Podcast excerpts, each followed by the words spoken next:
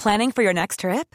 Elevate your travel style with Quince. Quince has all the jet setting essentials you'll want for your next getaway, like European linen, premium luggage options, buttery soft Italian leather bags, and so much more.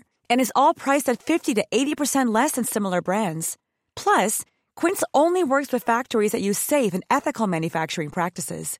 Pack your bags with high-quality essentials you'll be wearing for vacations to come with Quince. Go to quince.com slash pack for free shipping and 365-day returns. Cool fact, a crocodile can't stick out its tongue. Also, you can get health insurance for a month or just under a year in some states. United Healthcare short-term insurance plans, underwritten by Golden Rule Insurance Company, offer flexible, budget-friendly coverage for you. Learn more at uh1.com. Quality sleep is essential. That's why the Sleep Number Smart Bed is designed for your ever evolving sleep needs. Need a bed that's firmer or softer on either side? Helps you sleep at a comfortable temperature? Sleep Number Smart Beds let you individualize your comfort so you sleep better together. JD Power ranks Sleep Number number 1 in customer satisfaction with mattresses purchased in-store. And now, save 50% on the Sleep Number limited edition Smart Bed for a limited time. For JD Power 2023 award information, visit jdpower.com/awards. Only at a Sleep Number store or sleepnumber.com.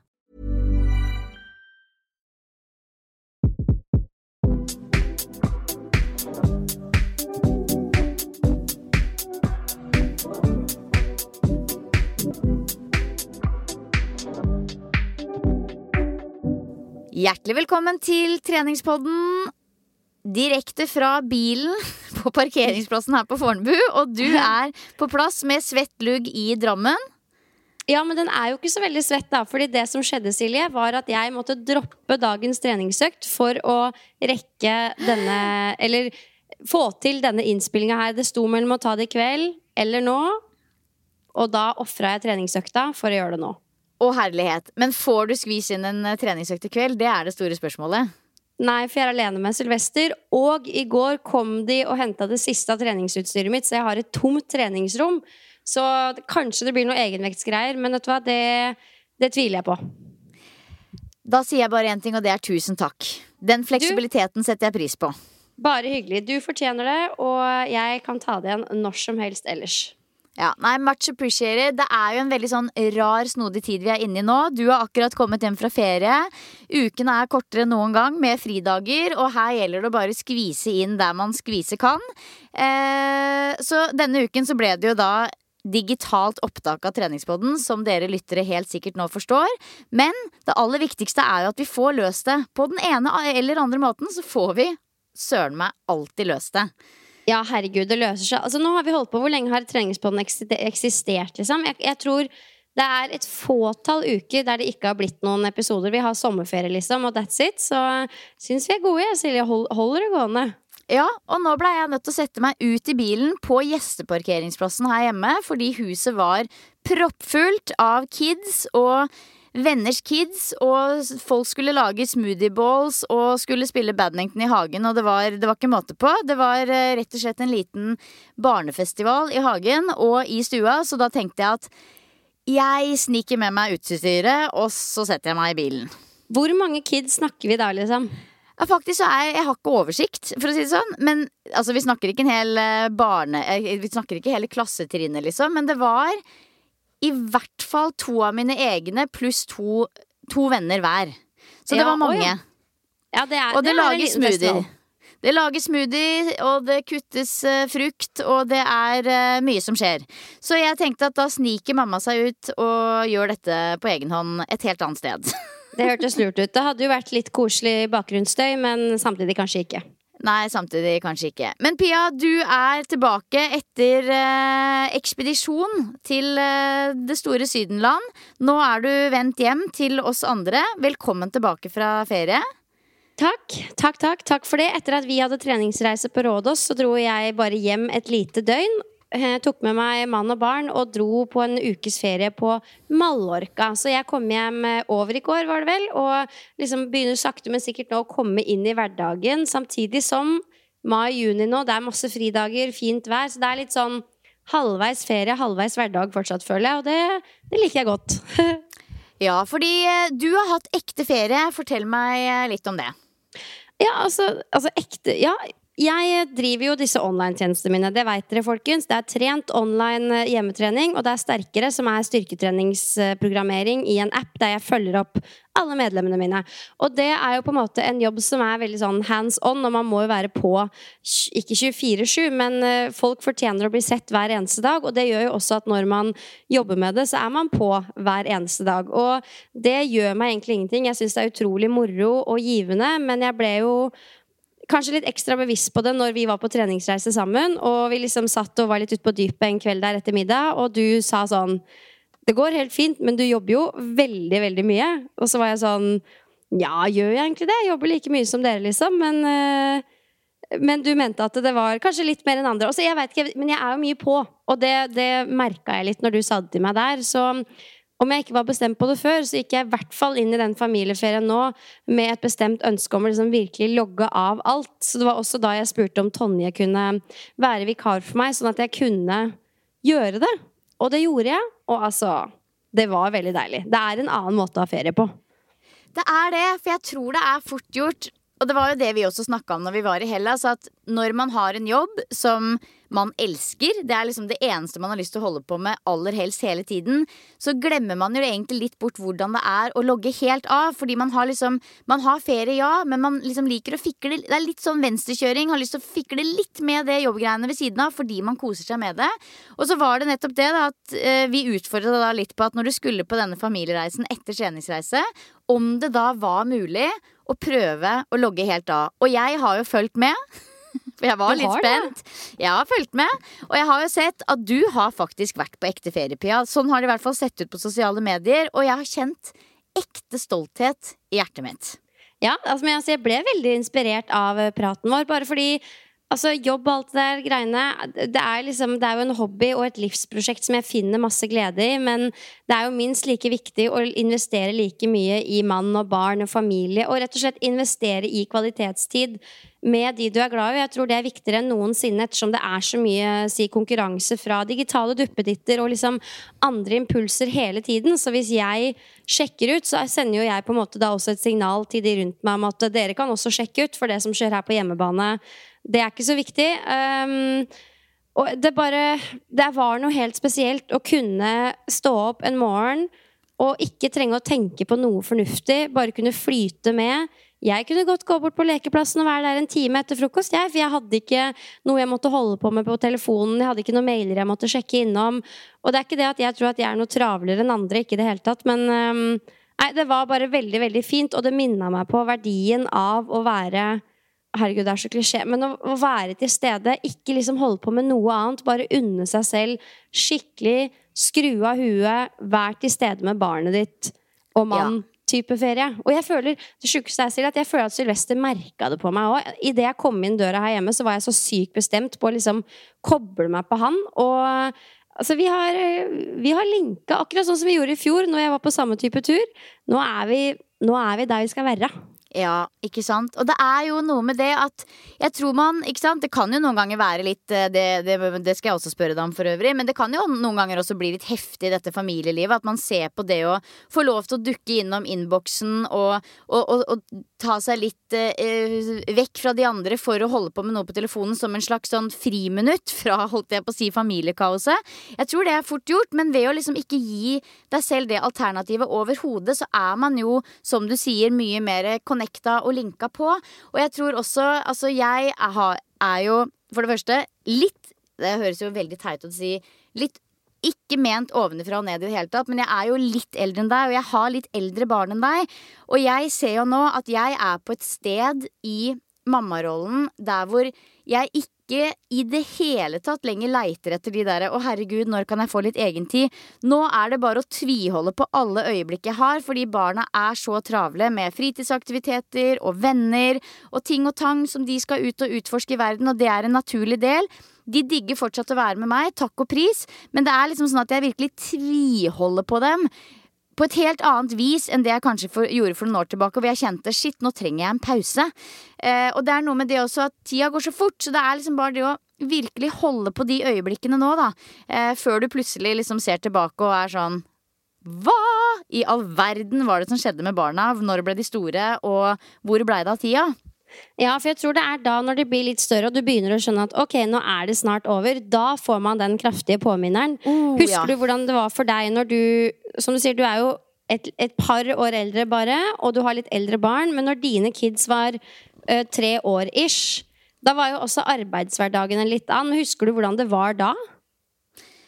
Det var jo veldig mye armer og bein og mye mer sånn eh, holde hodet over vannet-stemning, følte jeg. Men jeg, jeg, jeg, det er så vanskelig å huske liksom konkrete hverdagsøyeblikk. Eh, men det var, det Jeg var nok litt mer opptatt av å liksom for eksempel se på trening som en arena for egentid og fritid og alenetid og av mammaduty-rollen-tid enn det jeg er nå. For nå vil jeg jo aller helst ha med ungene på trening hvis jeg kan. Så det er på en måte en litt annen greie. Mm. Det som også er da, når du legger vekk alt annet, er som at du liksom du finner mye mer ro i å være i familien. Altså, når, jeg ha, når jeg jobber litt ved siden av, så er det akkurat som jeg hele tiden har noe annet som trekker meg vekk, og da blir det liksom kjedeligere å være i den familiesettingen. Eller ikke kjedeligere, men jeg bare tenker hele tiden på når kan jeg få gjort det. Mens når du ikke har andre oppgaver hengende over en, så er det mye lettere å senke skuldrene og kose seg og være til stede i f.eks. en lek med, med treåringen som kan være dritkjedelig, men det kan også være det hyggeligste som fins, bare man liksom har, tar seg tida og har roa til å faktisk være i det. Så jeg, jeg skal virkelig ta vare på det inn i sommeren. Har allerede booka inn Tonje som vikar to uker. Eh, og bli like flink som deg, for jeg føler du er blitt ganske rutta på dette her. Og, og liksom skifte mindset. Sånn, nå er jeg på jobb. Og Ja. så nå kommer Sylvester hjem, nå er jeg hjemme, så kan jeg eventuelt jobbe igjen da og da. Virkelig liksom timeblokke. Blokke ut i kalenderen når jeg er hva, og så tune inn hodet mitt på det. På med jobbhodet, på med familiehodet, på med bare være akkurat her og nå uten noe annet fokus. Altså, jeg tror så på at det er så mye verdifull det er så mye verdifullt i det å klare de skiftene. Det er- handler jo om eh, mind, mindset. Å liksom bestemme seg for at nå er det sånn, og nå er det sånn. Og at, ikke, at ikke det bare er en sånn lapskaus av litt familieliv, litt jobbing, litt burde gjort, burde, burde vært der, skulle gjort det. Men at på en måte, man klarer å rydde og strukturere hverdagen sin sånn at det er litt eh, orden i det. At ikke det bare er et sammensurium av alt mulig rart. Virkelig. Og, og jeg, jeg må jo si da at dette her for meg, eh, siden jeg jobber med det jeg gjør, det innebærer å legge bort telefonen 100 Ja. eh, Og det merker jeg Og det merker jeg at kanskje er litt annerledes for venner som ikke jobber med sosiale medier. Altså jeg gjør 80% av jobben min den skjer på telefonen. Så jeg er veldig sånn Alt som er på telefonen, er jobb. Og venner som prøver å kommunisere med, med meg via liksom WhatsApp og alle mulige sånne ting, blir kanskje litt sånn Ja, men du er jo på telefonen hele tiden, hvorfor svarer du ikke? Og det er rett og slett fordi når jeg er på telefonen, så jobber jeg, og liksom alt mulig annet er bare sånn telefonen er støy. Så når jeg nå var på ferie, så er det ikke sånn at jeg da ligger og scroller, for det føler jeg på, kan påvirke meg på litt sånn samme måte. Jeg måtte virkelig legge bort telefonen helt. Jeg hadde liksom maks 30 minutter skjermtid hver dag. Så det var også bort med dette er å se på møbler til hjemmet. Ikke noe logistikk med tanke på tida når vi kom tilbake. Ingenting sånt. Og det tror jeg også er viktig at man ikke hele tiden har den telefonen ved seg som en mulighet til å logge av og liksom la tankene reise et annet sted, men heller bare være sånn ja, ja, jeg har ikke noe annet sted jeg skal være. Jeg har ikke noe annet jeg tenker på enn bare å være akkurat her. Så jeg tror i like stor grad som det er viktig å logge av jobb, så er det så ekstremt viktig å ha et bevisst forhold til den telefonen. Eh, både for en selv og ens egen tilstedeværelse, men også for å kommunisere til de rundt en at jeg er her 100% for deg og dere. Jeg har ikke noe behov for å liksom rømme noe annet sted hele tiden. Det er også noe vi snakka om, og noe som jeg tenkte over at er veldig, veldig viktig. For altså, den telefonen, Silje, den, den skjermen, den Yes. er Ja. Den stjeler livet vårt, det er det ingen, ingen tvil om. Ja, det, jeg, avslutningsvis, jeg begynte å lese en bok som heter Stolen Focus, som jeg, jeg kan anbefale. Men den har vi jo snakka om i treningspoden før. For ca. Ja. ett og et halvt år siden, når den kom ut. Ish, eller nei, det var litt seinere etter den kom ut. Men vi hadde en egen episode om den boka. Å ja. Jeg ble jeg kjent med den den, gjennom psykologi... Psyk, psy, nei, jeg. Psykologistudiet. ja, men der kan du se. Ja, da Ja. kan jeg anbefale den på nytt. da Stolen Focus. Den er, eh, den er en eye-opener. Det er en eye-opener.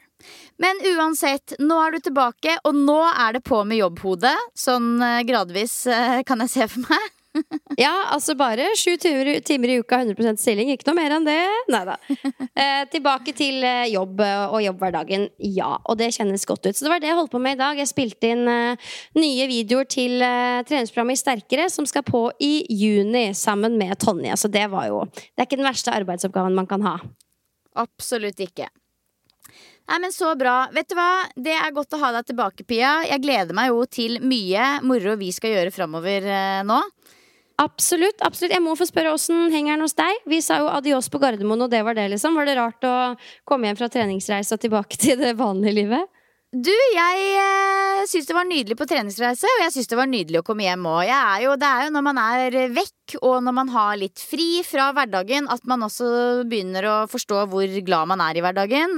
Jeg elsker hverdagen, hvor, eh, spesielt nå, hvor det på en måte er eh, Altså, i dag har jeg hatt yogatimer utendørs i sola, og. Det er, det er på en måte Det er mye digg i det å ikke være på ferie også. Det må jeg bare si. Og i går så gjorde jeg noe veldig gøy, og det var å løpe Fornebuløpet. Ja, Her stemmer på. Fornebu. og det var veldig gøy. Det var, jeg har jo løpt det løpet før, men da 10-kilometeren, og da litt sånn ikke sant? Hatt et mål på tid og, og, og, og løpt sammen med løpenaboen her og litt sånn. Men i år så løp jeg sammen med ett av barna mine.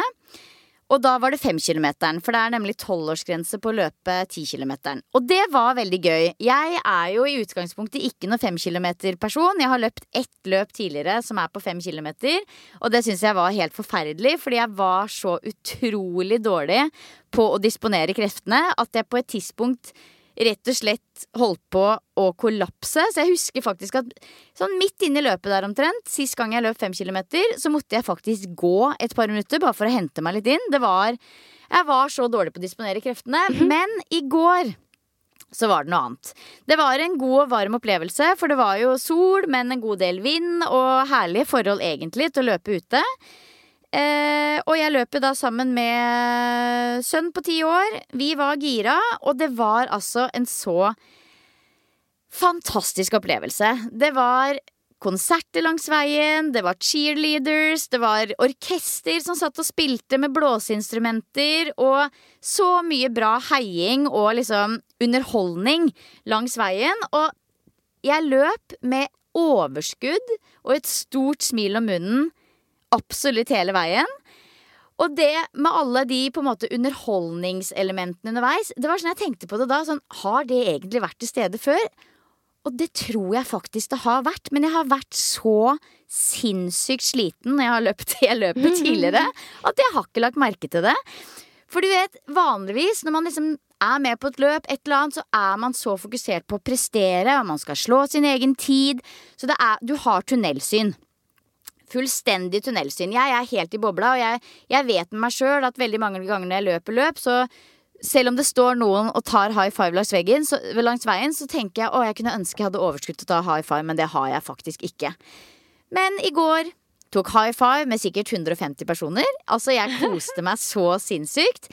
Og det var jo, altså jeg var jo et slakt når jeg kom i mål. Det var liksom på et tidspunkt når vi løp over målstreken at jeg tenkte at nå kommer middagen i retur, på en måte. Så det, vi fikk jo kjørt oss den siste kilometeren, men det var en så god opplevelse å løpe med overskudd og kunne legge merke til settingen rundt. Så vet du hva, det var et kjempebra løp, og vi var også veldig fornøyd med tida vår. Så vi måtte gå på Fornebu eh, S på Narvesen og kjøpe oss en is og en eh, brus etterpå for å feire. Herregud, så hyggelig. Var det den brusen du la ut verdens rareste, ekleste brus? Ja, det er den ekleste brusen vi noen gang har drikt, men uh, vi spiste heldigvis en god is. Hva slags uh, is går Silje Torstensen for da? Og vet du hva, vanligvis så er jeg jo veldig sånn royal trippel eller aller helst en softis. Der er jeg.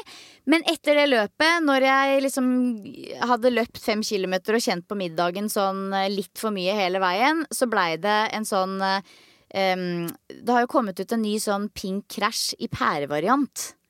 Oi, ja, den gikk du for. ja, Du ville ha noe friskt. Jeg måtte ha noe friskt, fordi jeg, altså, for det kan jeg bare si med en gang, folkens. Den største tabben du kan gjøre når du skal løpe et løp, uavhengig av distanse, det er å spise middag litt for kort opp mot startskuddet.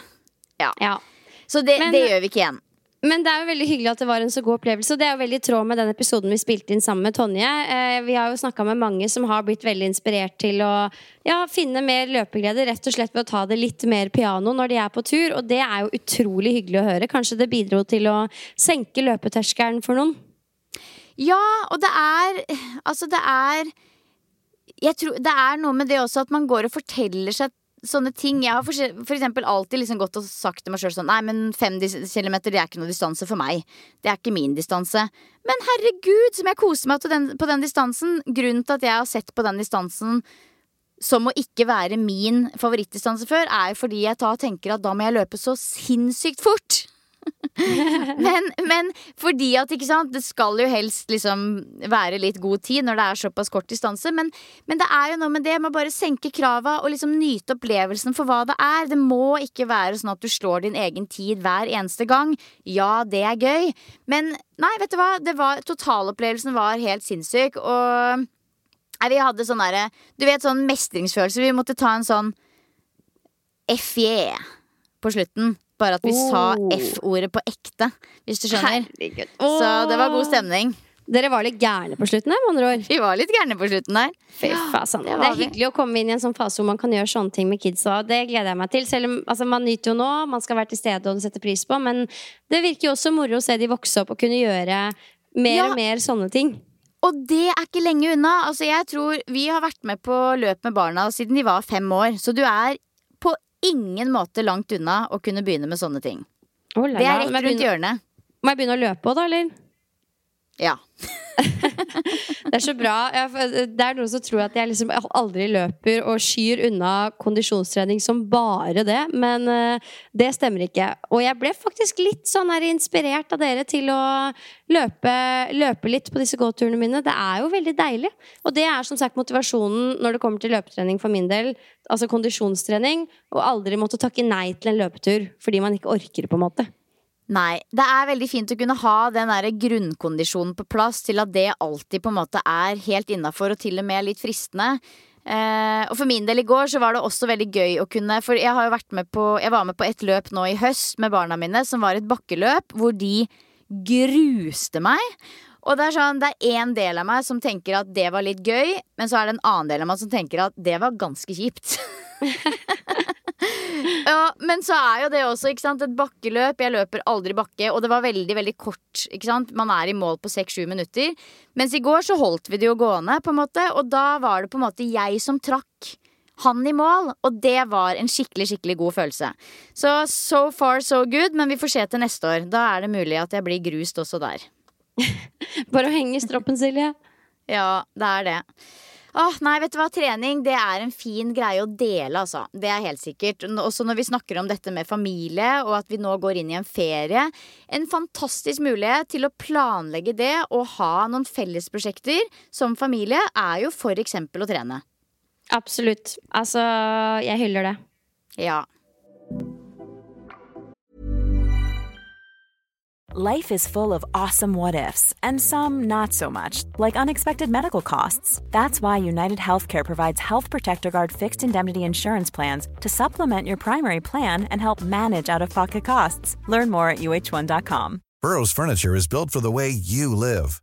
From ensuring easy assembly and disassembly to honoring highly requested new colors for their award-winning seating, they always have their customers in mind. Their modular seating is made out of durable materials to last and grow with you. And with Burrow, you always get fast, free shipping. Get up to 60% off during Burrow's Memorial Day sale at burrow.com slash ACAST. That's burrow.com slash ACAST. burrow.com slash ACAST. Hey Dave, Yeah, Randy. since we founded Bombus, we've always said our socks, underwear, and t-shirts are super soft. Any new ideas? Maybe sublimely soft. Or disgustingly cozy? Wait, what? I got it. Bombus. Absurdly comfortable essentials for yourself And for those facing homelessness. because one purchased equals one donated. Wow, did we just write an ad? Yes. Bombas. Big comfort for everyone. Go to bombas.com slash ACAST and use code ACAST for 20% off your first purchase.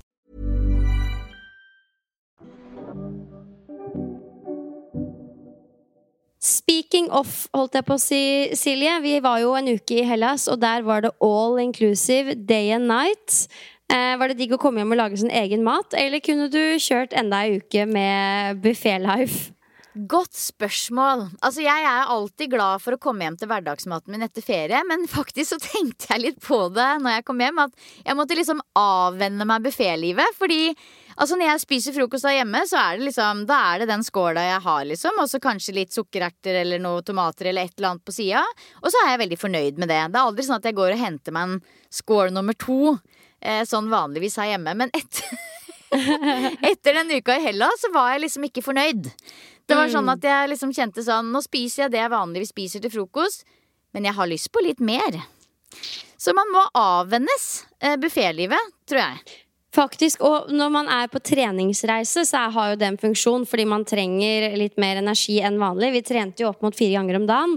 Men uh, jeg kjenner nå etter to uker med buffé life all inclusive, så er det ja, litt avvenning som foregår her uh, hjemme også. Så, ja, for hvordan var uke nummer to for din del? Har det vært buffé every day?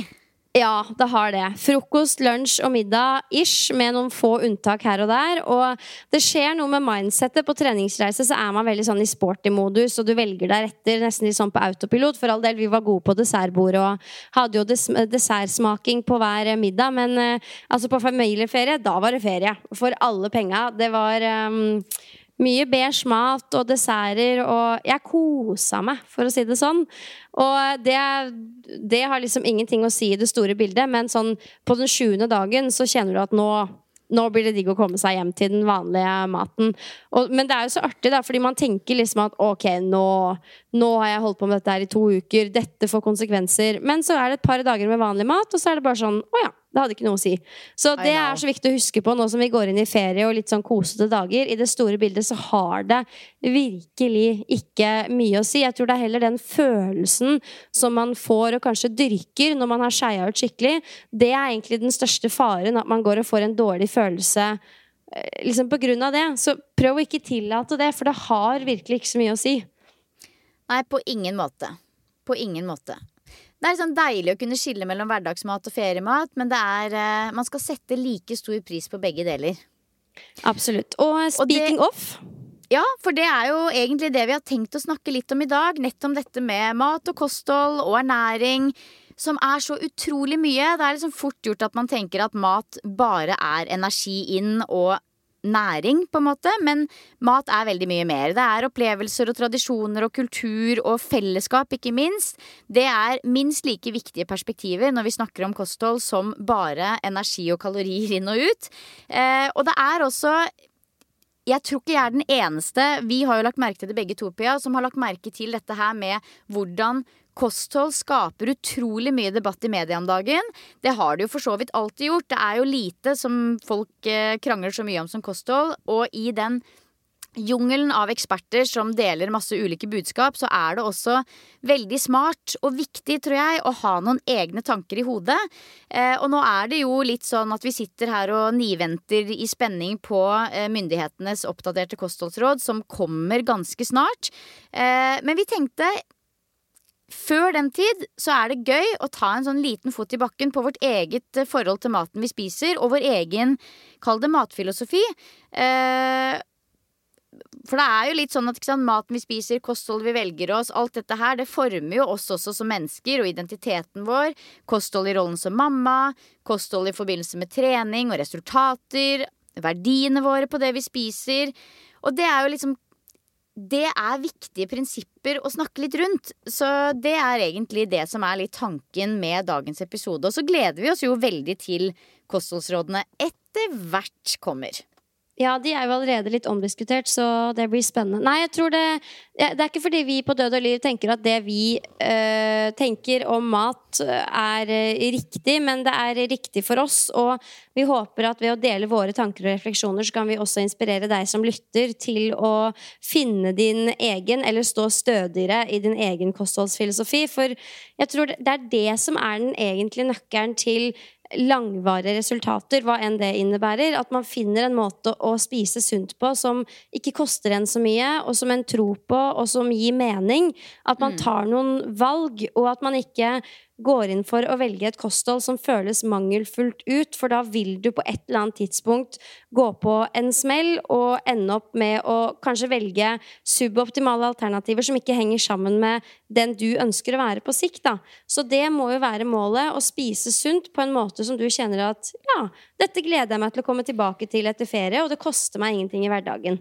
Det er akkurat det. Finne en måte som passer for deg i den livssituasjonen som du er i nå, basert på det du på en måte har å jobbe med, og som gir deg, eh, som gir deg glede. Og det er jo noe med det at maten vi spiser, det er jo faktisk, som du også nevnte, en av de aller viktigste kildene vi har til god helse. Og det er jo akkurat det som gjør at det er et så viktig og på mange måter også kontroversielt tema der hvor veldig mange sterke meninger eh, rår. Eh, og så er det også veldig mange økonomiske interesser involvert. Og det er liksom det er derfor det er viktig å ha noen egne tanker i hodet. At vi kan faktisk ikke la oss påvirke av hver eneste trend. Og det er, altså, det er noe nytt hele tiden, så vi må klare å stå litt støtt i egne matverdier i den jungelen som er der ute med informasjon. Ja, og så vet vi også at det finnes mange veier til rom. Lavkarbo kan funke for noen. Uh, masse protein, lite protein, vegetarisk, ikke vegetarisk. Faste eller bare uh, lavere på kalorier. Alt funker. Det som liksom ja. er magisk, er det som faktisk gir deg resultatene du vil ha. Ja, så det er kjempefint å la seg inspirere og være nysgjerrig. Men det er også lurt å ha noen egne verdier og noen egne prinsipper å, å jobbe ut ifra i forhold til hva som er optimalt kosthold der hvor du er i livet akkurat nå. For det kan jo også endre seg. Jeg har jo også spist annerledes enn det jeg gjør nå tidligere. Eh, det er jo ulike ting i livet som endrer måten man velger å spise på. Mm, Så, absolutt. Ja. Jeg bare tror veldig mange er på jakt etter en sånn gyllen oppskrift, spesielt inn mot sommeren nå. Man ja. tenker at ok, nå er det en måned igjen, jeg skal skjerpe meg, jeg skal gjøre sånn og sånn og sånn. Og tanken er jo god, men greia er at ok, kanskje du gjør det i fire uker, da. Men hva skjer etter de fire ukene? Mm. Jo, du går tilbake til gamle vaner, og da ja. vil jo også resultatet bli deretter. Ikke at det er noe dårlig i det, men jeg tror vi bare må virkelig lære oss til å skjønne at kortvarige dietter, løsninger og, og, måter å gjøre det på fører også til kortvarige resultater. Så ja. det er veldig klisjé å si, men du må tenke endring i vaner og endring i måten du forholder deg til kosthold på, eh, hvis du ønsker å endre noe, da. Ja, og det er jo det som på en måte er en livsstil. Og det, er, altså, det har meg og mannen min også snakka mye om. Liksom, hvorfor ting er viktig å gjøre Hvorfor det er viktig for oss å gjøre ting sånn vi gjør det hjemme hos oss nå. Og det er jo fordi sant, Matfilosofi, hvorfor er det viktig? Det er jo viktig fordi hvis det er litt sånn som med alt annet i livet. Hvis ikke vi vet hvordan vi har lyst til å ha det, så er det fort gjort at du bare ender opp med å følge måten alle andre gjør det på. Eh, det kommer til å være nye ting som skjer, trender innen, innen mat eh, som kommer og går. Og også når du har barn som de får lov til det, og hjemme hos de gjør det sånn. Og så er det fort gjort å tenke sånn Ja, kanskje vi er litt strenge. Kanskje vi bare skal liksom go with the flow i og ja ja, da blir det sånn hos oss også. Nei, det trenger ikke ja. å være sånn. Vi har våre egne grunnverdier og vår egen matfilosofi, og det står vi stødig. Det er viktig å minne seg på det. Ja, Det er egentlig veldig inspirerende at du sier. fordi selv om jeg er ganske Jeg vet godt hvor jeg står, og hva jeg vil ha, og alt det her, så er jo jeg ferskere i mammarollen enn deg. Og det er jo først nå det liksom virkelig begynner å komme på banen, dette her med ønsker om mat påvirkning utenifra. Og jeg, når jeg tenker meg om, så tror jeg ikke jeg og Simen har tatt liksom den praten om matfilosofi, verdiene våre oppi det. Og det jeg tror vi først, Når man først snakker om det, så høres det litt sånn teit ut. litt sånn, ja, herregud, mat er jo bare mat, Men det er det på ingen måte, og kanskje i hvert fall ikke for oss som trenere og er opptatt av helse. Og vi vet hvor viktig det er ja. å spise på en god måte. Så det var liksom første som jeg skriver meg bak øret nå. Ta prat med Simen om eh, matverdier, rett og slett. Ja, ja fordi det er, det er Man har jo ikke lyst til å være hun sure mammaen som sånn og sånn og sånn. Men vet du hva? Nå har det jo også Jeg syns den nest siste episoden av Helsekost Furuset Vi må snakke litt mer om det, men i hvert fall da en episode som snakker om dette her med om fedmeepidemien, som det så, så flott kalles.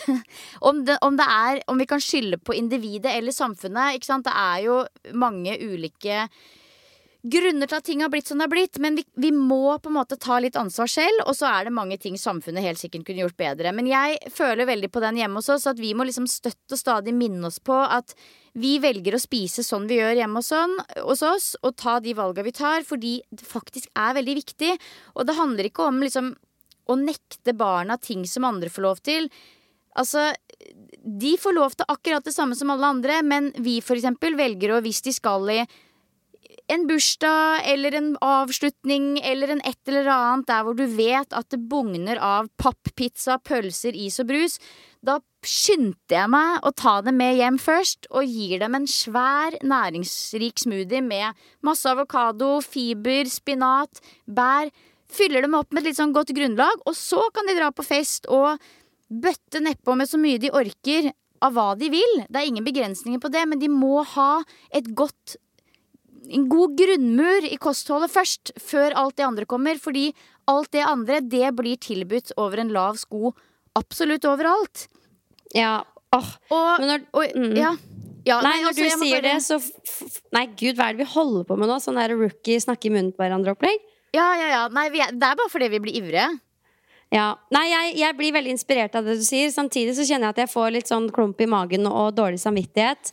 Eh, fordi at eh, det er så mange ting som spiller inn når det kommer til barnas kosthold. Og sånn som du sier, det er jo utenfor våre hender i veldig mange tilfeller. Fordi Ja. de får så Altså, de får sukkeret kasta i trynet, liksom. Ja. Og jeg kjenner meg litt sånn maktesløs. Altså, jeg, jeg får beskjeder på sosiale medier om at eh, du må gjøre sånn og sånn, du må lage hjemmelagd is, bla, bla, bla, bla. Men helt ærlig, han har ikke så veldig lyst på den hjemmelagde isen min, fordi han får is i barnehagen, is i bursdag, is hos besteforeldre som smaker 20 ganger bedre, på en måte. Så det er en utfordring jeg står midt oppi akkurat nå.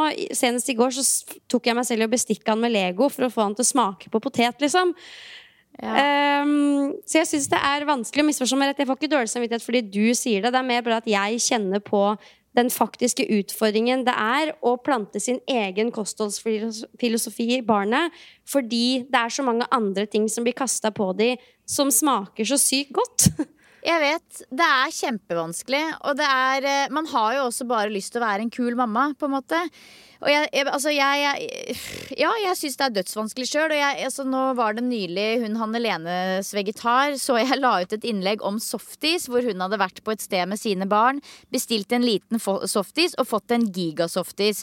Hvor hun da gjør en kjempestor greie ut av å forklare hvor mange sukkerbiter det er i en softis, hvor mange sukkerbiter det er anbefalt for et barn, hvor mett og, og fylt magesekken til et lite barn blir av en sånn stor softis kontra en voksen, og hvor vanskelig det faktisk er å spise ordentlig mat i etterkant av en sånn softis. Og bare lager en sånn kjempebig deal ut av det.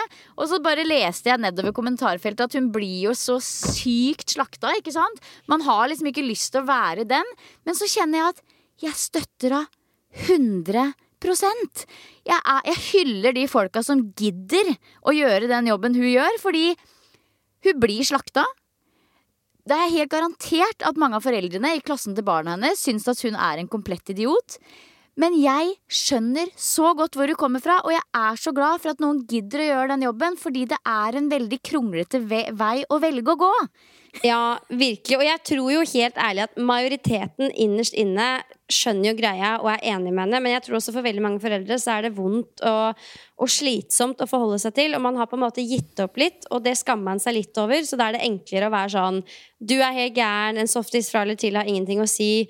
Eh, og en softis fra, eh, fra eller til har ingenting å si, det sa hun jo selv, men greia er at dette er normen som bygger seg opp i samfunnet, og mm, ja, det er viktig å prøve å stå imot, men det her er jo et problem på et samfunnsnivå. Egentlig så er det jo litt urettferdig, akkurat som med den fedmeepidemien, at det er noe man som enkeltindivid blir satt til å ta seg av, at hver enkelt må ta ansvar.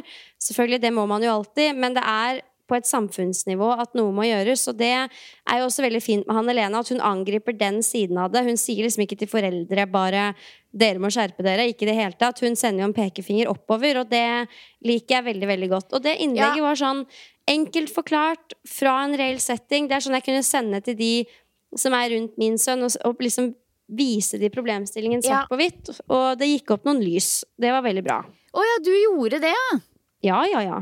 Oi, ja det er jo kjempekult da, Pia. Jeg, altså det, jeg anbefaler egentlig alle med eller uten barn for, for øvrig å gå inn og se på det innlegget, for det har jo fått veldig mye kommentarer og mye skriblerier og blitt tatt opp i nyhetene og gudene vet hva. Det er, det er ting som jeg tror egentlig alle vet, men som du sier, man orker ikke egentlig å ta det inn over seg. Og så en softis av og til Ja ja, om den er aldri så stor, men problemet er at det er ikke en softis en gang iblant, vet du. Det er snart sommerferie, og da er det plutselig en is hver eneste dag i seks uker for veldig mange skolebarn. Så vet du hva, les det innlegget. Og ja.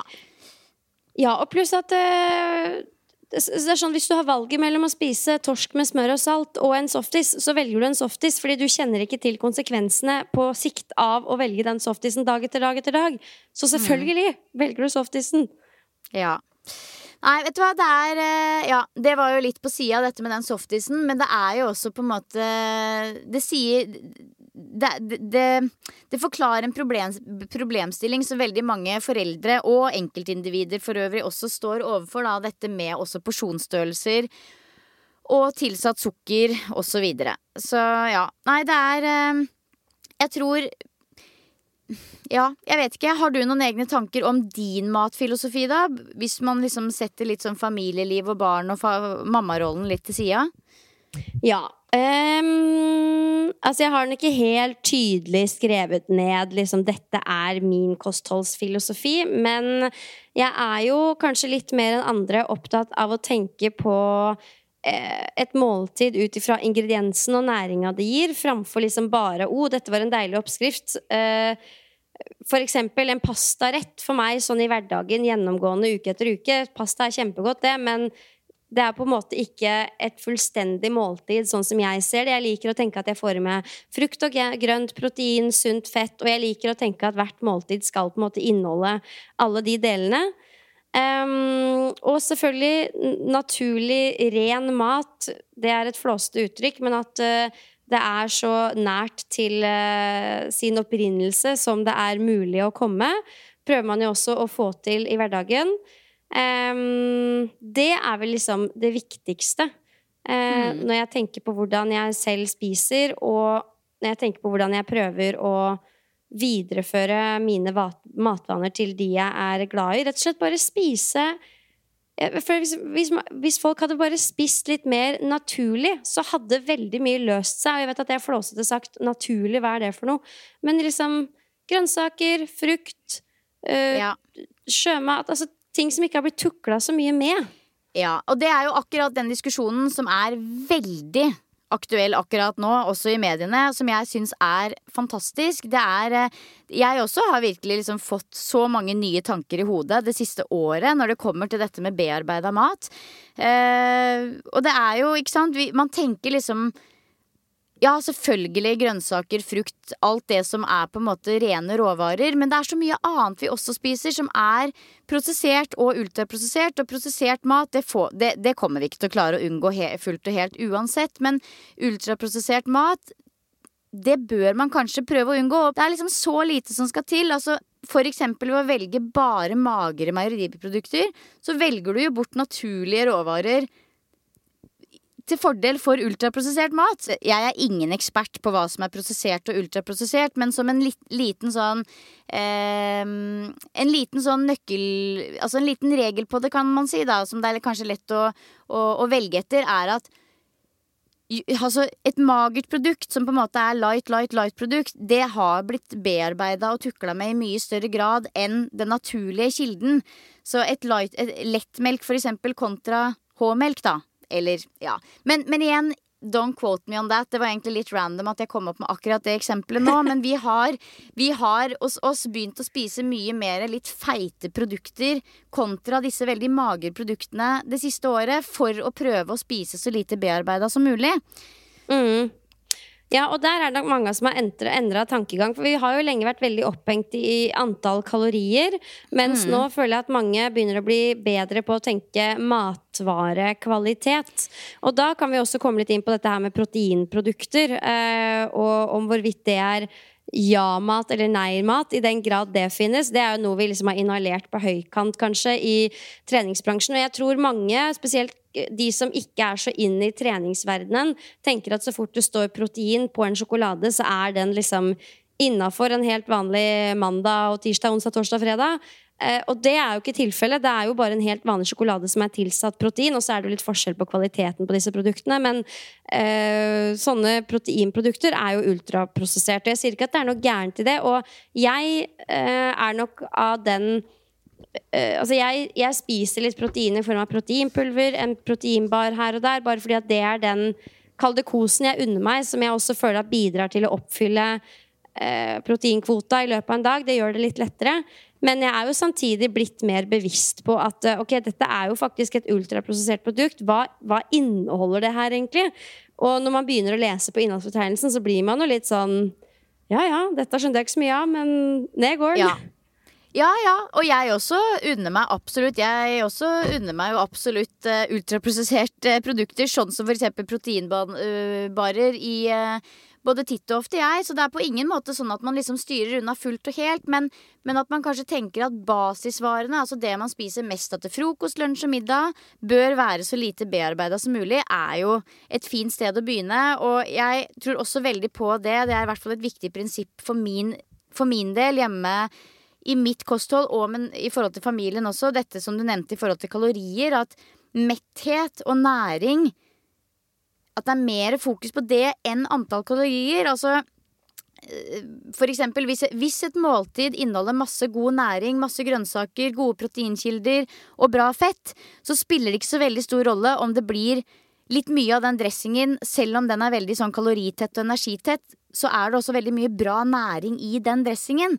Eh, jeg tror det ligger veldig mye stress, egentlig, relatert til det å være fokusert på kalorier. Og jeg kan også la meg stresse litt av å høre andre snakke om kalorier, fordi jeg tenker så lite på det sjøl at noen ganger så blir jeg sånn Hvis noen sier sånn Å, visste du at det var 80 eh, kalorier i den fudgen? Så blir jeg mm. sånn Å ja. Jeg tenkte jeg skulle kose meg litt med fem sånne fudge nå, jeg, ja, men ja. den er god! så liksom, det å drive og liksom hele tida måle mat opp mot kalorier det er jeg ikke så fan av. Jeg, jeg, jeg, tenker mer metthet og næring fremfor det fokuset på kalorier. At det i et litt sånn større perspektiv er en sunnere måte å deale med mat på, da.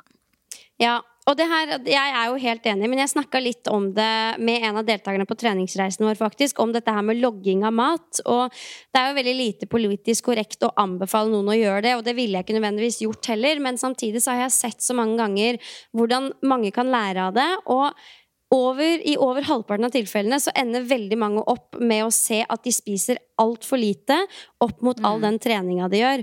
Og det er, bare, det er så utrolig viktig lærdom, for jeg tror at det er så mange som går rundt og spiser altså så lite mat og trener relativt mye, er aktive.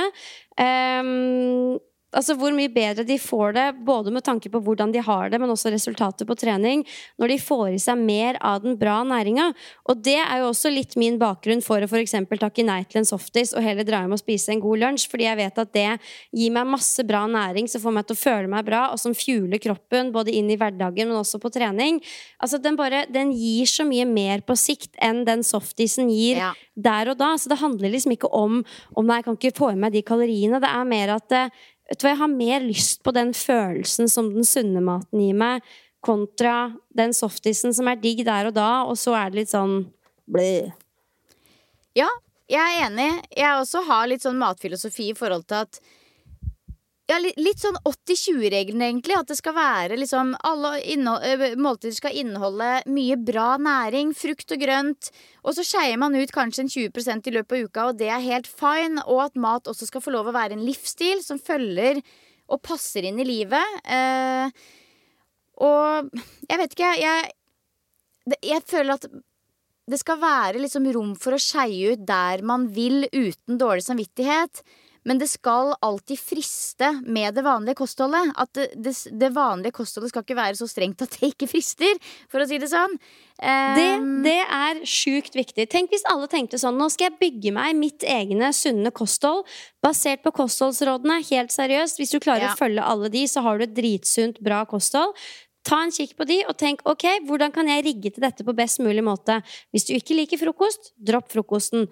Hvis ja. du liker å faste annenhver dag, for all del, gjør det. Altså sånn, ta tilbake litt kontrollen og tenk at nå skal jeg legge opp dette på en måte som får meg til å føle meg bra. Jeg føler både når det kommer til trening og kosthold, så blir vi liksom hele tiden bombardert med løsninger, og det blir påpekt hva vi gjør feil, og hva som er problemet vårt.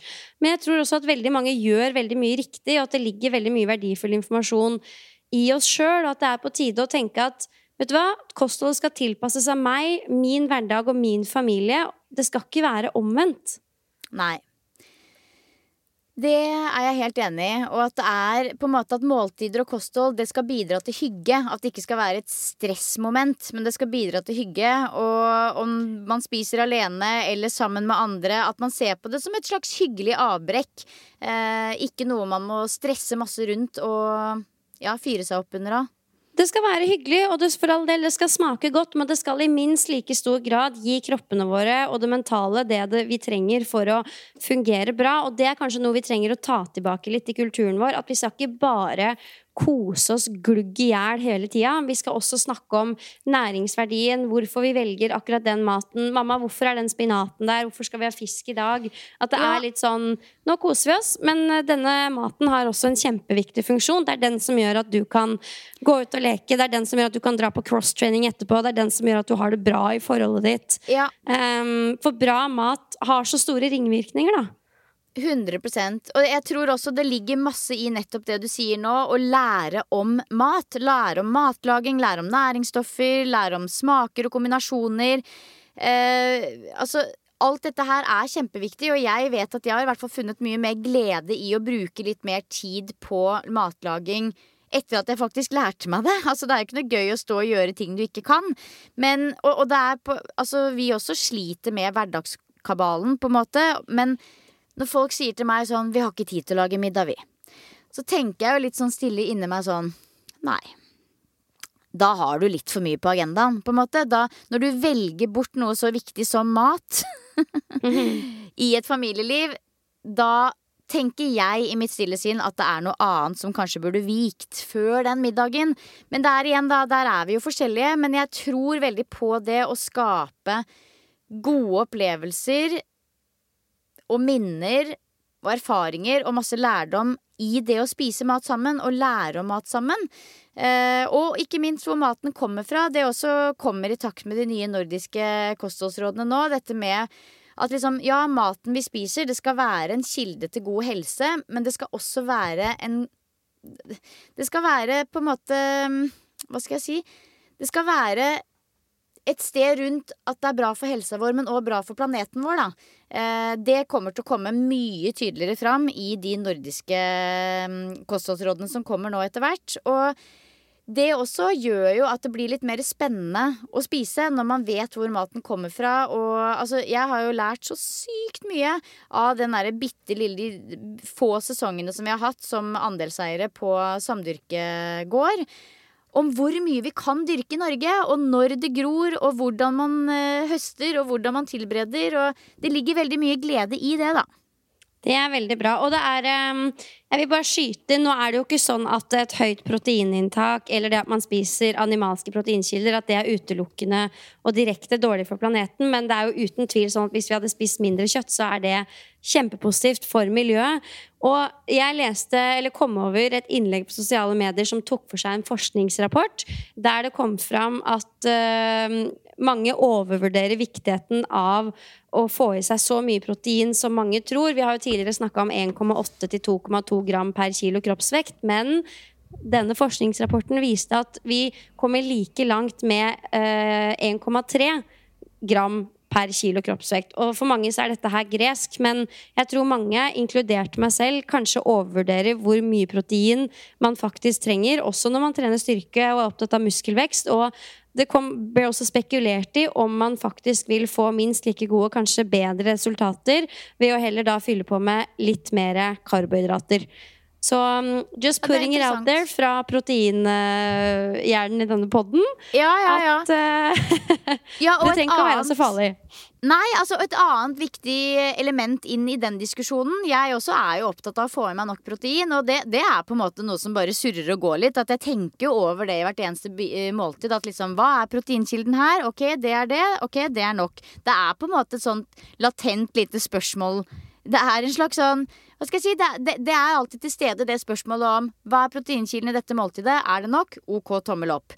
Men når det er sagt, så er det sånn at de som er kanskje litt vel opptatt av å spise nok protein, og liksom skal sikre seg å spise nok protein i den grad at liksom hele måltidet omtrent er protein, da går man jo glipp av helt sykt mye annen viktig eh, næring. Så det er på en måte noe med det at eh, man velger jo, når man velger veldig mye av noe, så velger man også bort noe annet som er kanskje vel minst like viktig. Ja, for jeg hadde en periode skjønner der jeg liksom tok meg selv i å Ok, jeg bare dropper å lage matboks, og så spiser jeg den proteinbaren med en yt ved siden av, for da får jeg meg nok protein. Og det er sånn, det er ikke der jeg vil være i det hele tatt. Det det må liksom være en gyllen middelvei. Så um, ja, jeg ville bare nevne det. At Ja, ja. det er um, Ja, det, det, er, det, er et veldig, det er et veldig interessant innspill å ta med. For jeg tror veldig mange treningsfolk tenker at liksom, så lenge proteinbehovet er dekt, da er det good. Da er det good. mm. Et annet eh, som jeg bare kom på nå også, som det er verdt å nevne også, er jo dette med ikke sant? Vi vet nå at veldig mange nordmenn har overvekt. Det er det ingen tvil om. Eh, det er et problem i Norge, rett og slett, at for mange har overvekt. Men det som også er litt eh, interessant og egentlig kjempeskummelt oppi det, er at ja, mange har overvekt, men veldig mange nordmenn er likevel feilernærte. Fordi vi spiser for mye kalorier, men det er tomme kalorier. Så vi, mange har rett og slett mangler på viktige næringsstoffer, selv om de er overvektige. Og det tror jeg kanskje noen eh, syns er litt overraskende. Mm, absolutt. Men eh, ok, hvis vi runder av med å se litt på matdagen vår, da. Hvordan kan en typisk matdag se ut for deg? Er du du gjorde episoden med Inge om faste. Er du, faster du nå, eller? Jeg har jo fortsatt ikke satt i gang med det fasteprosjektet, men det stemmer. Vi hadde jo eh, Inge oh, ja, på for du har planer om å gjøre det? jeg, jeg har jo fortsatt Jeg har sagt at jeg skal gjøre det. Jeg skal gjøre det på et tidspunkt. det passer Men jo aldri. det passer jo aldri. Nå skal jeg legge inn fem dagers faste, liksom. Men, men jo, han utfordra meg veldig på det, og jeg blei på ekte ganske gira. For første gang i lifet. Og jeg tror det er litt fordi én, han utfordra meg veldig på det, og to, akkurat den fasteimiterende dietten som han foreslår, den tror jeg kunne passa meg, til motsetning til andre typer ting som liksom å, korte ned spisevindu, alt dette her, it's not for me. Eh, jeg må liksom spise opptil fem måltider om dagen, sånn som den dietten hans foreslår. Men når det er sagt, så er det jo ikke veldig fristende. Altså Det jeg kan si er fristende med det, er jo nummer én, jeg er nysgjerrig, jeg har lyst til å teste hvordan jeg fungerer eh, fastende. Og så er det jo dette med den autofogien som han snakka om. Akkurat, det, altså, dette er jo veldig, veldig kompliserte greier, men den derre prosessen hvor på en måte cellene eh, fordøyer sitt eget innhold og alt dette her. Den autofagien som han mener er liksom litt sånn sette på den aldringsbremsen og og, og alle de indre prosessene som visstnok skjer når man er i fastemodus. Jeg er jo litt oppriktig nysgjerrig på akkurat den delen, og hvordan det oppleves. Eh, Men når tror du sagt- du merker det? Tror du du går rundt på dag tre og bare sånn oh, autofagien er oppe og nikker i dag? Jeg vet ikke, Pia! Men det er jo det som er. Jeg vet ikke, og jeg er litt nysgjerrig. Men når det er sagt, så Jeg har på et eller annet tidspunkt tenkt å teste den femdagers nullstillingdietten som Inge foreslår. Men det er jo aldri en perfekt timing for det. Fordi jeg har ikke lyst til å være hun mammaen som sitter ved middagsbordet og spiser appelsin med mandler og sier til barna mine nei, dere må bare kose dere med den gode gryta. Jeg er på fastende diett, skjønner dere. Så det må jo på en måte være en eller annen gang hvor jeg er alene, da. Jeg vet ikke, jeg vet ikke helt hvordan jeg skal løse det. Jeg tar gjerne imot eh, forslag fra andre. Jeg vet at selvfølgelig kan jeg være den mamma som sitter der med appelsinsalaten min nå, liksom, men, men jeg kjenner at det byr meg imot. Så jeg må, jeg må finne et passende tidspunkt. Ja da. Nei, det er jo pros and cons. Det kan jo være en fin måte å nullstille seg selv, og ikke minst nullstille forholdet sitt til mat. At man eh, setter skikkelig pris på det når man får vendt tilbake til vanlig eh, mat og, og ordentlige mengder igjen. Så jeg Absolutt. dømmer ingen, men jeg har blitt mer og mer skeptisk til alle mulige tiltak som skal trenge veldig inn i kulturen og måten vi lever vi Ja. livet vårt på. For da da føler jeg at trening og kosthold fort kan bli noe som trekker en unna livet med andre, og det, akkurat den der har jeg litt sånn dårlig smak på.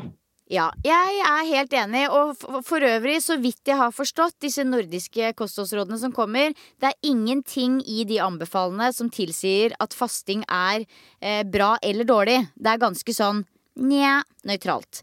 Så, så, der er vi der. Men eh, jeg må bare også nevne én ting angående det intervjuet med Inge, siden du tok det opp. Fordi inne på iTunes så kan man jo gå inn og rate terningkast og gi en kommentar. Jeg har fått terningkast én på det intervjuet fra en lytter. Å ja. Hæ? Det er for terningkast én på intervjuet mitt med Linseth. Der er det nemlig en som har skrevet at hun ble så skuffet av det intervjuet, og det var så åpenbart at, uh, at jeg liksom ikke var pro uh, fasting, på en måte. Uh, og, at, og at du helst skulle vært med i episoden, Pia. Mm. Ikke minst. Så, men jeg må bare si det, det er jo helt topp eh, med tilbakemeldinger. Eh, uansett hva slags slag. Men jeg må bare si én ting når det gjelder dette med å ha gjester og intervjuer i podkastformat. Pass litt opp, folkens, for intervjuer der, som er på en måte helt sånn totalt blottelagt for kritiske spørsmål. Jeg bare sier det med en gang. Pass opp. Ja, når man har en podkast og inviterer noen på en prat, så ønsker vi selvfølgelig å støtte disse gjestene for alt det er verdt. Men det skal være rom for kritisk tenkning, eh, tenkning, og kritiske spørsmål, og det er på en måte sånn vi lærer. Eh, så jeg ville bare si det. At det er på ingen måte sånn at når vi inviterer noen inn i poden, så ønsker vi å støte dem. Vi ønsker å støtte dem. Men det skal være rom for kritiske spørsmål, ellers så blir det fryktelig dørgende kjedelig. Og hvis dere hører på podkaster der hvor eh, det ikke er noe rom for det, så skal man passe litt på. Ja, for det er, en, det er derfor jeg syns du var veldig god i den episoden. For det krever litt når du sitter over eller, og, og, prater med en som kanskje fra før er litt sånn nervøs. Jeg aner ikke hvordan han Inge var, men du ønsker virkelig å gjøre alt for at de skal føle seg bra og ha det bra. Og da er det fort gjort å bare hylle budskapet hele veien. Men jeg mener at du får gjesten til å skinne i mye større grad hvis du evner å stille de litt kritiske spørsmålene som alle lurer på.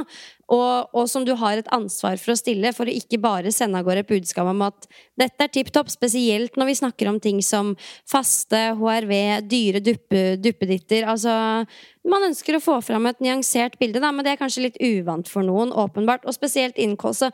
Altså, kosthold, det er jo som religion for noen, så ja. Det får man bare ta til seg. Ja, det får man bare ta til seg. Men jeg syns bare det var interessant. Uh, for det sier så mye om hvordan vi tar budskap i f.eks. podkastformat på veldig mange ulike måter, da. Ja. Men la oss avslutte denne matpraten før vi går videre til boosten, med å eh, beskrive en litt sånn typisk eh, matdag. Ja, gud, det var der vi begynte. Det stoppa opp på fastespørsmålet. Du, typisk matdag for meg, det er en god frokost. Og det er stort sett en bolle med enten grøt eller granola og kanskje litt kokt quinoa. Masse, masse bær. Eh, gjerne litt sånn fryste bær som jeg enten varmer opp og rører litt rundt i, med litt honning, eller bare liksom fryste bær som jeg har satt i kjøleskapet. Og gjerne litt eh, frukt. Det kan være appelsiner, epler, stor dæsj med frukt på toppen. Og så pleier jeg ofte å spise litt spiss paprika eller noen sherrytomater, something something på sida, med en god kaffe. Deretter lunsj. Det kan være alt mulig rart. I dag var det middagsrester, så da var det ris, grønnsaker, litt tofu, eh, litt eh, bønner, alt mulig rart fra gårsdagens eh, middag. Og en middag kan jo være så mangt. I dag vet jeg at vi skal ha en sånn one pot pasta. Eh, med litt salat og guacamole litt sånn på sida. Og så blir det som regel en kveldsmat med disse barna, som eh, åpenbart trenger mye mat i vokseperiode. Så da blir det kanskje en kopp te, en brødskive eller to, eller et knekkebrød. Something, something. Litt frukt. Mm, Hva med deg? Eh, jeg spiser jo gjerne en frokost, ikke sånn med en gang jeg står opp, men kanskje sånn i nitida når jeg har levert i barnehagen og sånn. Da blir det gjerne en omelett med grønnsaker. Eller hvis jeg skal ha livetrening, så kaster jeg i meg liksom cottage cheese og nøtter og noe bær og eh, en litt større lunsj. Og lunsjen blir som regel, i hvert fall nå på året Altså nå er jeg så på salatboller i alle mulige slag. Så masse grønnsaker, kanskje litt ris eller potet eller noe sånt. En proteinkilde og som en digg dressing opp, oppå. Jeg er ikke fremmed for å avslutte med litt frukt og en kopp kaffe. Og kaffe til frokost også, selvfølgelig. og prøve å holde meg på to kopper om dagen. Uh, og så er det middag når mannen og Sylvester kommer hjem, og da er jo jeg Jeg syns det er så deilig med den Hello Freshen. Jeg bare få beskjed om hva jeg skal lage. Men så er jeg også litt keen på å begynne å lage min egen mat også, så jeg er litt sånn in between akkurat nå. Men middag i fire-halv fem-draget, liksom, med ja, altså alt mulig. Taco, hjemmelagde gratenger. Ja, masse forskjellig. Og så en kveldsmat, som regel. Da blir det ofte noe av det samme som jeg hadde til frokost. Kanskje pannekaker, kanskje noen brødskiver, kanskje en skål med cottage cheese. Ja, noe rundt der. Men som regel ikke noe mer enn fire måltider. Nei, det er samme her. Det er eh, enten tre måltider pluss frukt på kvelden, eller fire måltider, inkludert kveldsmat. Og jeg kan også på samme måte som deg flekse litt mer med frokosten nå enn det jeg gjorde før. Før så var jeg religiøs på at jeg måtte spise frokost eh, klokka sju. Men etter at jeg begynte å ha mye digitale timer hjemme og liksom har kjent at den eh, frokostbollen ikke alltid ligger like godt på plass nedi der med hopp og sprett på stua, så har det ofte blitt en litt seinere frokost nå de siste to åra, egentlig. Og begge deler fungerer like fint. Så, så det er jo hverdagskostholdet vårt. Og så har vi jo åpenbart litt eh, Det blir jo litt annerledes på helg. Det gjør det. Jo. På godt og vondt, holdt jeg på å si. Jeg, det kan jeg jo si. Jeg er fortsatt en sånn person som Altså Hvis jeg får nystekte lyse rundstykker med smør og ost foran meg, da, ja. da Jeg sliter med å kontrollere meg. Altså Jeg har en sånn evig overspiser i meg fra barndommen. Og det Vet du hva, jeg vurderte her om dagen. Ikke at dette her er noe stort problem, men jeg bare kjenner at jeg mister huet litt når noe smaker helt sykt godt. Du nevnte det jo så vidt at du har testa hypnose. Altså Jeg kunne tenkt meg å ja. det hadde bare vært spennende. Tenk hvis jeg plutselig satt ved et sånn frokostbord og bare sånn Jeg har bare lyst på et halvt rundstykke, jeg. Det holder for meg. Men hallo, det med hypnose er gøy, for det snakka vi jo litt om. Var det ikke når vi var i Hellas da, at vi snakka om det? Jo, jo. Jeg, ja, altså jeg har jo oppriktig lyst til å teste hypnose før mitt neste legebesøk, besøk, for å se om jeg kanskje lar være å besvime for en gangs skyld. Eh, så kanskje, hvis noen kjenner til en god hypnotisør eller en god psykolog som er god på den teknikken, gi oss gjerne et lite vink, så kan jeg teste hypnose mot å ikke besvime på blodprøve, og du kan prøve hypnose for overspising.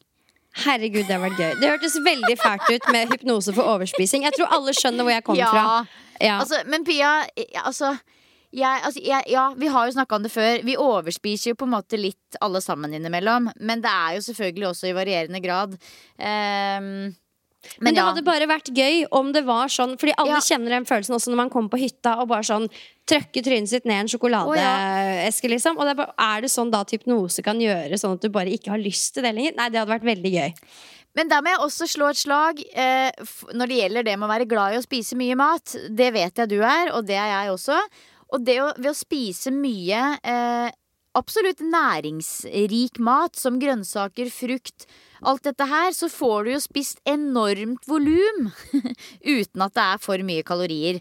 Så det er jo også et saftig tips til deg som liker å liksom kjenne at du har fylt maven. Det er en god følelse for mange. Dra på med masse grønnsaker. Det er liksom ikke noe regel på hvor mye grønnsaker du kan spise. Det er bare å spise så mye du orker. Helt riktig.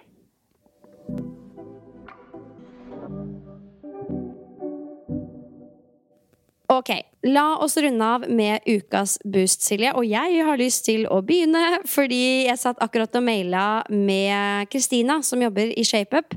Og grunnen til det er jo at uh, om ikke lenge så er det klart for ShapeUp Weekend. Det her er jo en årlig greie som ShapeUp arrangerer på Vestlia Resort.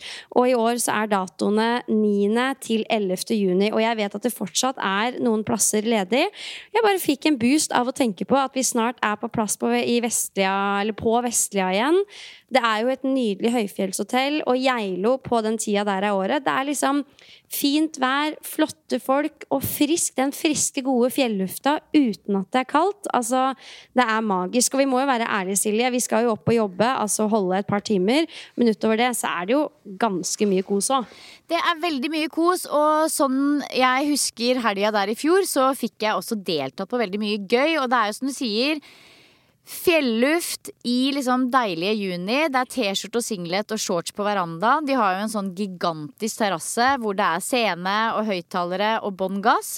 Og jeg for min del, jeg har jo faktisk hjemmeeksamen den uka. Jeg får den utlevert på tirsdag og skal levere fredag. Og da, når den er levert, da er det bare å sette seg på toget, strake av veien fra Oslo til Geilo. Og jeg gleder meg jo som alltid til å holde timer og den biten der. Vi kommer sikkert til å spille inn en podkast, sånn som vi pleier å gjøre, men jeg gleder meg også så sinnssykt til å gå på timer. Bli guida. Utendørs trening, innendørs trening. Det er, fan- det er fantastiske yogalærere med. Gitti Lill fra Nordic skal holde vinyasa-yoga og diverse andre yogatimer. Eh, Anne fra Nordic skal jo holde sterk med strikk. Lotte kommer, Hanna kommer. Jeg gleder meg til å endelig få delta på time med deg på Shapeup Weekend. Og vet du hva? Det, altså, alle burde vært nevnt. Det er et fantastisk instruktørteam, og det kommer til å bli sinnssykt moro. Virkelig. Jeg skal holde timen Gjennomtrent, som er en, eh, en økt der vi jobber eh, med litt sånn eh, utstyr. Men jeg skal også ha Girl Power Bootcamp. Husker du når liksom alle de slagerne kom på rad og rekke når vi var på treningsreise? Ja, det digga jeg. That is the Girl Power Bootcamp. Det tror jeg kommer til å bli så bra. Og du skal ha, du skal ha yoga. Jeg skal ha yoga, morning yoga, eh, på lørdagen. Så det blir nok en sånn deilig, god morning bliss. Starte dagen på best mulig måte-type session. Den er innendørs. Og så skal jeg holde litt senere på dagen, klokka tolv tror jeg på lørdagen, en skikkelig sånn cardio party på, på terrassen utendørs. Og det er altså så moro. Så nei, det kommer til å bli en treningsfest fra ende til annen. Kommer du til å bli det den derre Jeg husker sist jeg var med på yoga med deg, så begynte jeg å grine. Kommer det til å bli en sånn type Nei, jeg Husker tror du? ikke det. Fordi jeg tror den siste jeg kjørte, var søndag morgen. Og da er liksom atmosfæren en litt annen enn lørdag. Lørdag er litt sånn, Da sitter man av forventninger, og det er litt sånn ikke sant, spenning. Litt energi i rommet på en helt annen måte. Så jeg tror tematikker Jeg kommer nok til å legge det opp på en litt annen måte nå, men det skal bli en deilig start på dagen i hvert fall. Det er helt sikkert. Ja. Ja, nei, det, det tror jeg på. Ok, Men uansett, det er min boost. Shape Weekend nærmer seg. 9. til 11. juni. Gå inn på shapeupweekend.no, så er det fortsatt mulig å sikre seg plass. Det her er en gyllen mulighet til å nyte helgen på et høyfjellshotell med venner du er glad i, eller kom aleine. Altså, vi er jo likesinna, likesinna gjeng, alle mann. Eh, og så hadde jo vi syntes det vært veldig moro å se deg der. Jeg, eh, å, jeg gleder meg. Det gir en boost å ha ting å se fram til, rett og slett. Jeg vet, jeg vet. Ja, det er ikke lenge til. To, to uker når denne episoden er uke, sånn ganske on the dot. Det kommer til å gå knallfort. Så det er bare å sikre seg billett og plass nå, først som sist. Hva med deg? Hva er din boost? Du, min boost er faktisk rett og slett bading. Fordi nå er det liksom Nå er det ikke sånn oh, nå er det gøy å vinterbade lenger. Nå er det ekte sommerbading. Nå er badesesongen i gang. Man kan ta morgenbad, man kan ta kveldsbad, man kan Snike til seg noen bad der det går, hvis man bor i nærheten av et vann. Men hvis man ikke gjør det, så anbefaler jeg likevel at man prøver en gang i uka å møte noen man setter pris på å henge med, til et felles bad.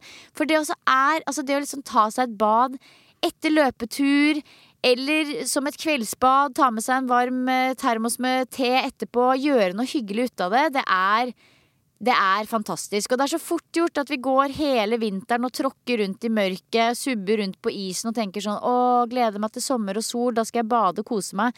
Og så kommer den tida som vi er inne i nå. Og så er vi liksom for travle til å faktisk gjøre det vi egentlig har lyst til. Så bare ta den tiden. Møt opp sammen med en venn, kjæreste, whatever. Ta et kveldsbad en gang i uka framover nå. Og virkelig bruk den tida vi er inne i for alt det er verdt. For nå er det faktisk digg på ekte å ta seg et bad. Åh, nå ble jeg veldig inspirert til å gjøre nettopp det. Litt sånn magiske hverdagsstunder, rett og slett. Ja, vi må vi, vi, vi har liksom ansvar for å skape de sjæl. Åh, mm, vi Ja. Og med det, on, on that note så tenker jeg at vi skal runde av. Det ble en god eh, og kanskje litt flytende prat om kosthold, men det blir det fordi det er ingen regler når det kommer til kosthold. Du må skape dine egne regler, og jeg håper du som lytter sitter igjen med en følelse og ikke minst inspirasjon og motivasjon til å gjøre det. Ta tilbake makta litt. Du veit hva som er sunn mat, og så må du legge det opp på en måte som gjør at det funker for deg. Kostholdet skal passe inn i din hverdag. Det er ikke omvendt. Det er helt riktig. Så um, vi håper at uh, flere har latt seg inspirere til å kanskje lage seg noen egne matfilosofier og noen egne prinsipper for hva som funker for deg, og ikke minst de du bor med. Og um, ja, med det så ønsker vi dere en god uke. Ja. Ha det bra. Ha det godt.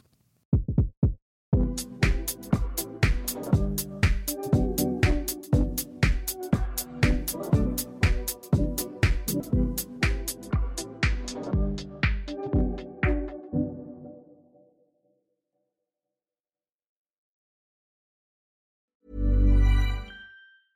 Planning for your next trip? Elevate your travel style with Quince. Quince has all the jet setting essentials you'll want for your next getaway, like European linen, premium luggage options, buttery soft Italian leather bags, and so much more. And is all priced at 50 to 80% less than similar brands. Plus, Quince only works with factories that use safe and ethical manufacturing practices. Pack your bags with high-quality essentials you'll be wearing for vacations to come with Quince. Go to quince.com slash pack for free shipping and 365-day returns. Mom deserves the best, and there's no better place to shop for Mother's Day than Whole Foods Market. They're your destination for unbeatable savings, from premium gifts to show-stopping flowers and irresistible desserts. Start by saving 33% with Prime on all body care and candles. Then get a 15-stem bunch of tulips for just $9.99 each with Prime. Round out Mom's menu with festive rosé, irresistible berry chantilly cake, and more special treats. Come celebrate Mother's Day at Whole Foods Market. Imagine the softest sheets you've ever felt. Now imagine them getting even softer over time. That's what you'll feel with Bowl and Branch's organic cotton sheets. In a recent customer survey, 96% replied that Bowl and Branch sheets get softer with every wash. Start getting your best night's sleep in these sheets that get softer and softer for years to come. Try their sheets with a 30-night guarantee. Plus, get 15% off your first order at bowlandbranch.com. Code BUTTERY. Exclusions apply. See site for details. This message comes from BOF sponsor eBay. You'll know real when you get it. It'll say eBay Authenticity Guarantee. And you'll feel it. Maybe it's a head turning handbag, a watch that says it all, jewelry that makes you look like the gem, or sneakers and streetwear so fresh every step feels fly. eBay gets it.